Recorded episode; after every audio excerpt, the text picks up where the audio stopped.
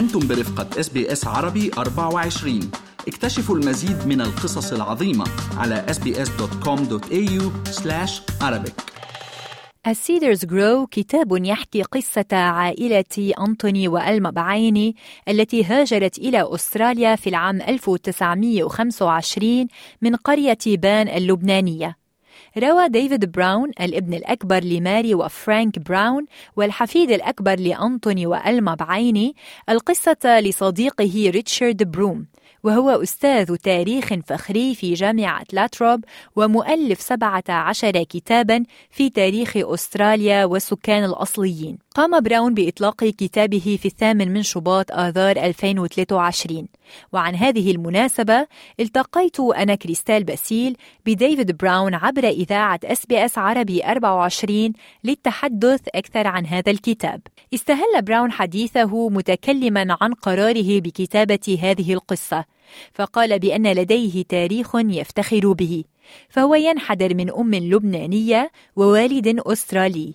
وتربى مع جده أنطوني وجدته ألما بعيني وخالاته إذ أن والدته كانت تدير معملا للملابس فعاش في بيئة لبنانية وتناول الطعام اللبناني.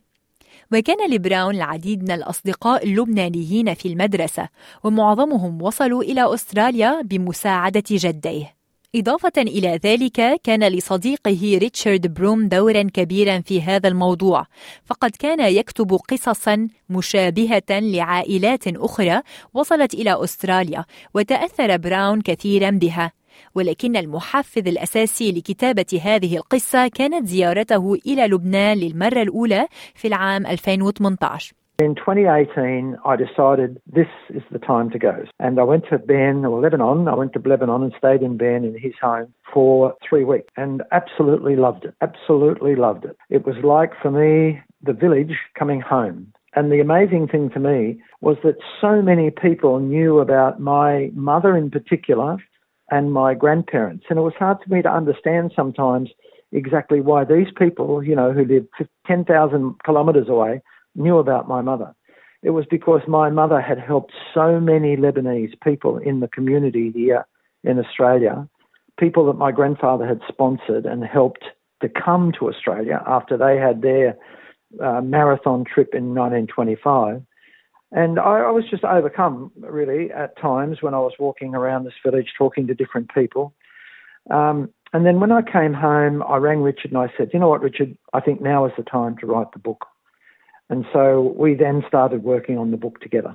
وعن الكتاب فهو يروي رحلة عائلة بعين من لبنان إلى أستراليا في السفينة والأعمال التي قاموا بها عند وصولهم والدعم الذي حصلوا عليه من الجالية اللبنانية وكيف عملوا جاهدين لاستقبال ومساعدة مئات المهاجرين اللبنانيين لتأسيس أنفسهم في أستراليا فقد وفروا لهم الإقامة في منزلهم لسنوات عديدة وعندما امتلأ منزلهم قاموا بتحويل مزرعتهم إلى مقر للسكن لاستيعاب الجميع وأمنوا لهم العمل والدعم حتى يصبحوا مستقلين ماديا. وكانت ماري والدة براون تساعد والدها في هذا الأمر. Once the once my mother got to the point where she could manage documentation, she was uh, at an Australian school. Obviously, she had spoke perfect English. In fact, she had to learn to speak Lebanese properly to communicate, you know, uh, in a conversation. Uh, and she only did that around 11, I believe. But once she got to that point in her life, she was a remarkable woman. She would do the documentation for applications for Lebanese uh, people. She would, as a child, go down, 11, 12 year old, go down to Circular Quay and meet these families and bring them back on the train to my grandfather's home. And uh, she, when she got older and they got older, she would look after the women, take them to the doctors uh, because they didn't speak good English. She would take them to the hospital to have their babies. When their babies grew up, she would take them to the local Catholic school and help them get enrolled, and so on and so forth. She found jobs for the men. She uh, she had this huge network of people that she could call if somebody needed a job. And she was quite a remarkable woman, my mother, in her own right. I mean, my grandfather was truly the best man I ever knew, but my mother was the most amazing person I ever knew. And I tried to reflect that in the book. Richard and I. أما عن سبب اختيارهم لعنوان الكتاب As Cedars Grow فقال براون لأن الأرز ترمز إلى الصمود والقوة والنضال كذلك مثل عائلته التي وصلت إلى أستراليا. There was a, an analogy between the growth of the cedar tree and the growth of my grandparents' migrant family. You know, they start out as a very young couple with two little children and end up growing a family well over 100 direct cousins. وتعلم براون من جده أنتوني أن العمل بجد هو السبيل الوحيد للنجاح وإذا أراد أن يقوم بأي عمل فعليه القيام به كما يجب منذ البداية وأنه عليه مساعدة عائلته وأولاده منذ الصغر لينمو بشكل مستقيم But he gave me the analogy of a small tree. He said, Tell me, he said, that small tree there, if that small tree started to grow crooked and I didn't do anything about it, what do you think would happen to it? And I said, Well, it, it would grow crooked. And he said, Do you think that you could come back later and straighten it? I said, mm, It would be very hard. He said, Exactly. He said, With young people, you have to teach them from the very beginning to do the right thing, to respect, to work hard, and, you know, to uh, love each other. Because if you don't do it from the beginning, when they're older, it's too late.